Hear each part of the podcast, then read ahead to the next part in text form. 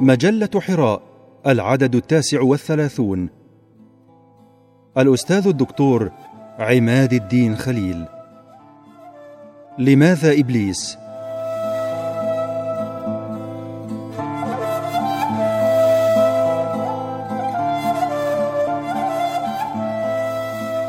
كثيرا ما يتساءل المسلم عن الحكمة من خلق الشيطان عن الأهداف البعيدة في علم الله سبحانه. تلك التي دفعت إبليس إلى رفض السجود لآدم وتحديه وإعلانه خصومته الأبدية وقسمه على الله أن ليغوينه وذريته إلى يوم الدين.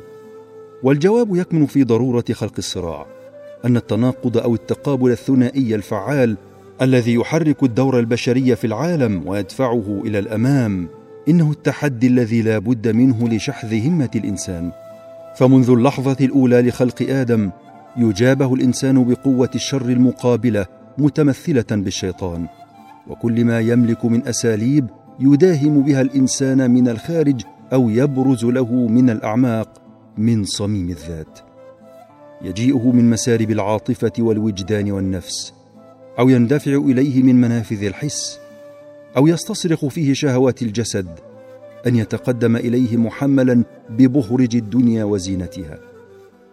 يجند لقتاله والمروق به عن ساحة الخير كل القوى المادية والمعنوية وكل الذين يختارون بإرادتهم أن ينتموا إليه. اناسا كانوا أم شياطين أم جنا.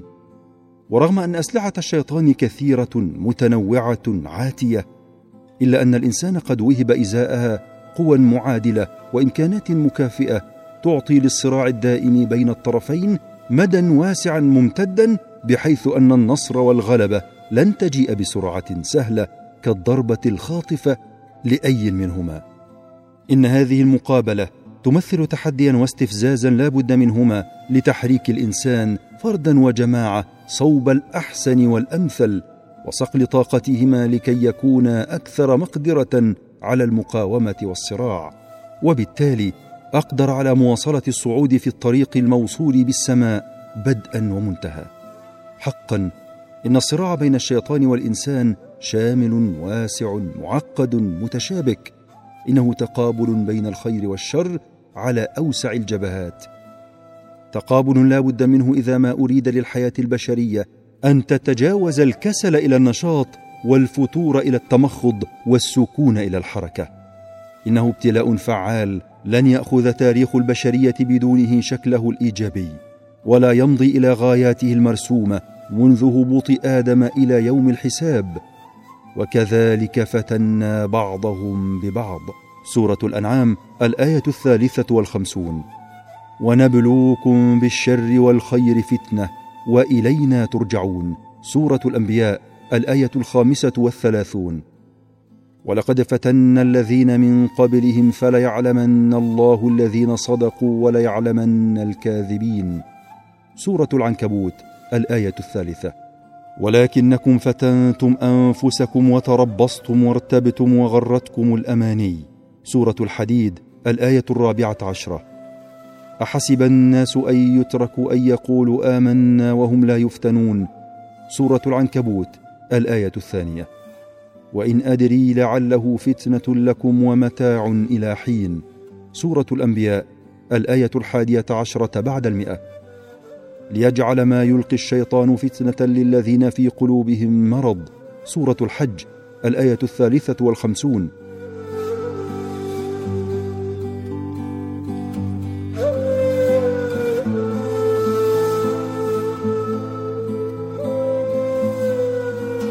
ويبقى نداء الله الدائم للبشرية. يا بني آدم لا يفتننكم الشيطان. سورة الأعراف الآية السابعة والعشرون.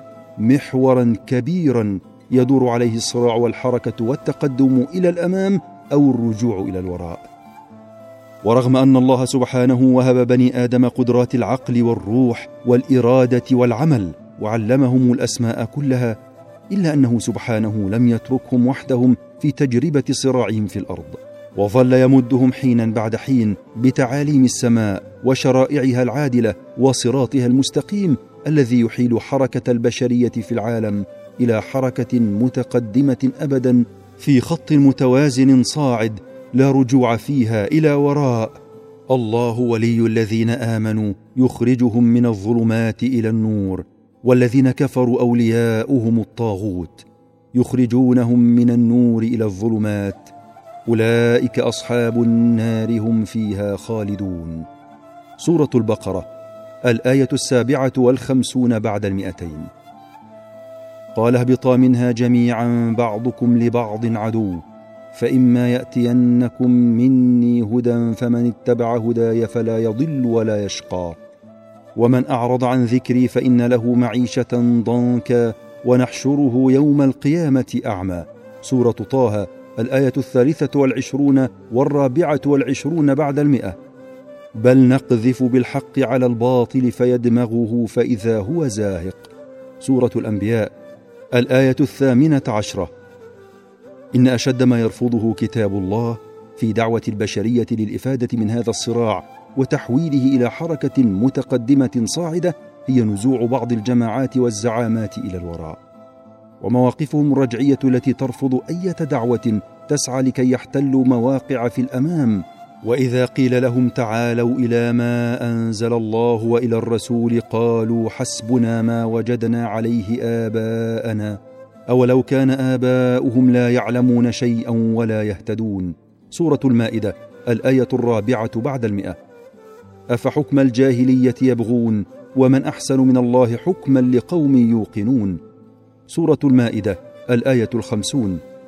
وإذا فعلوا فاحشة قالوا وجدنا عليها آباءنا. سورة الأعراف الآية الثامنة والعشرون. قالوا بل وجدنا آباءنا كذلك يفعلون. سورة الشعراء الآية الرابعة والسبعون. وإذا قيل لهم اتبعوا ما أنزل الله قالوا بل نتبع ما ألفينا عليه آباءنا. أولو كان آباؤهم لا يعقلون شيئا ولا يهتدون.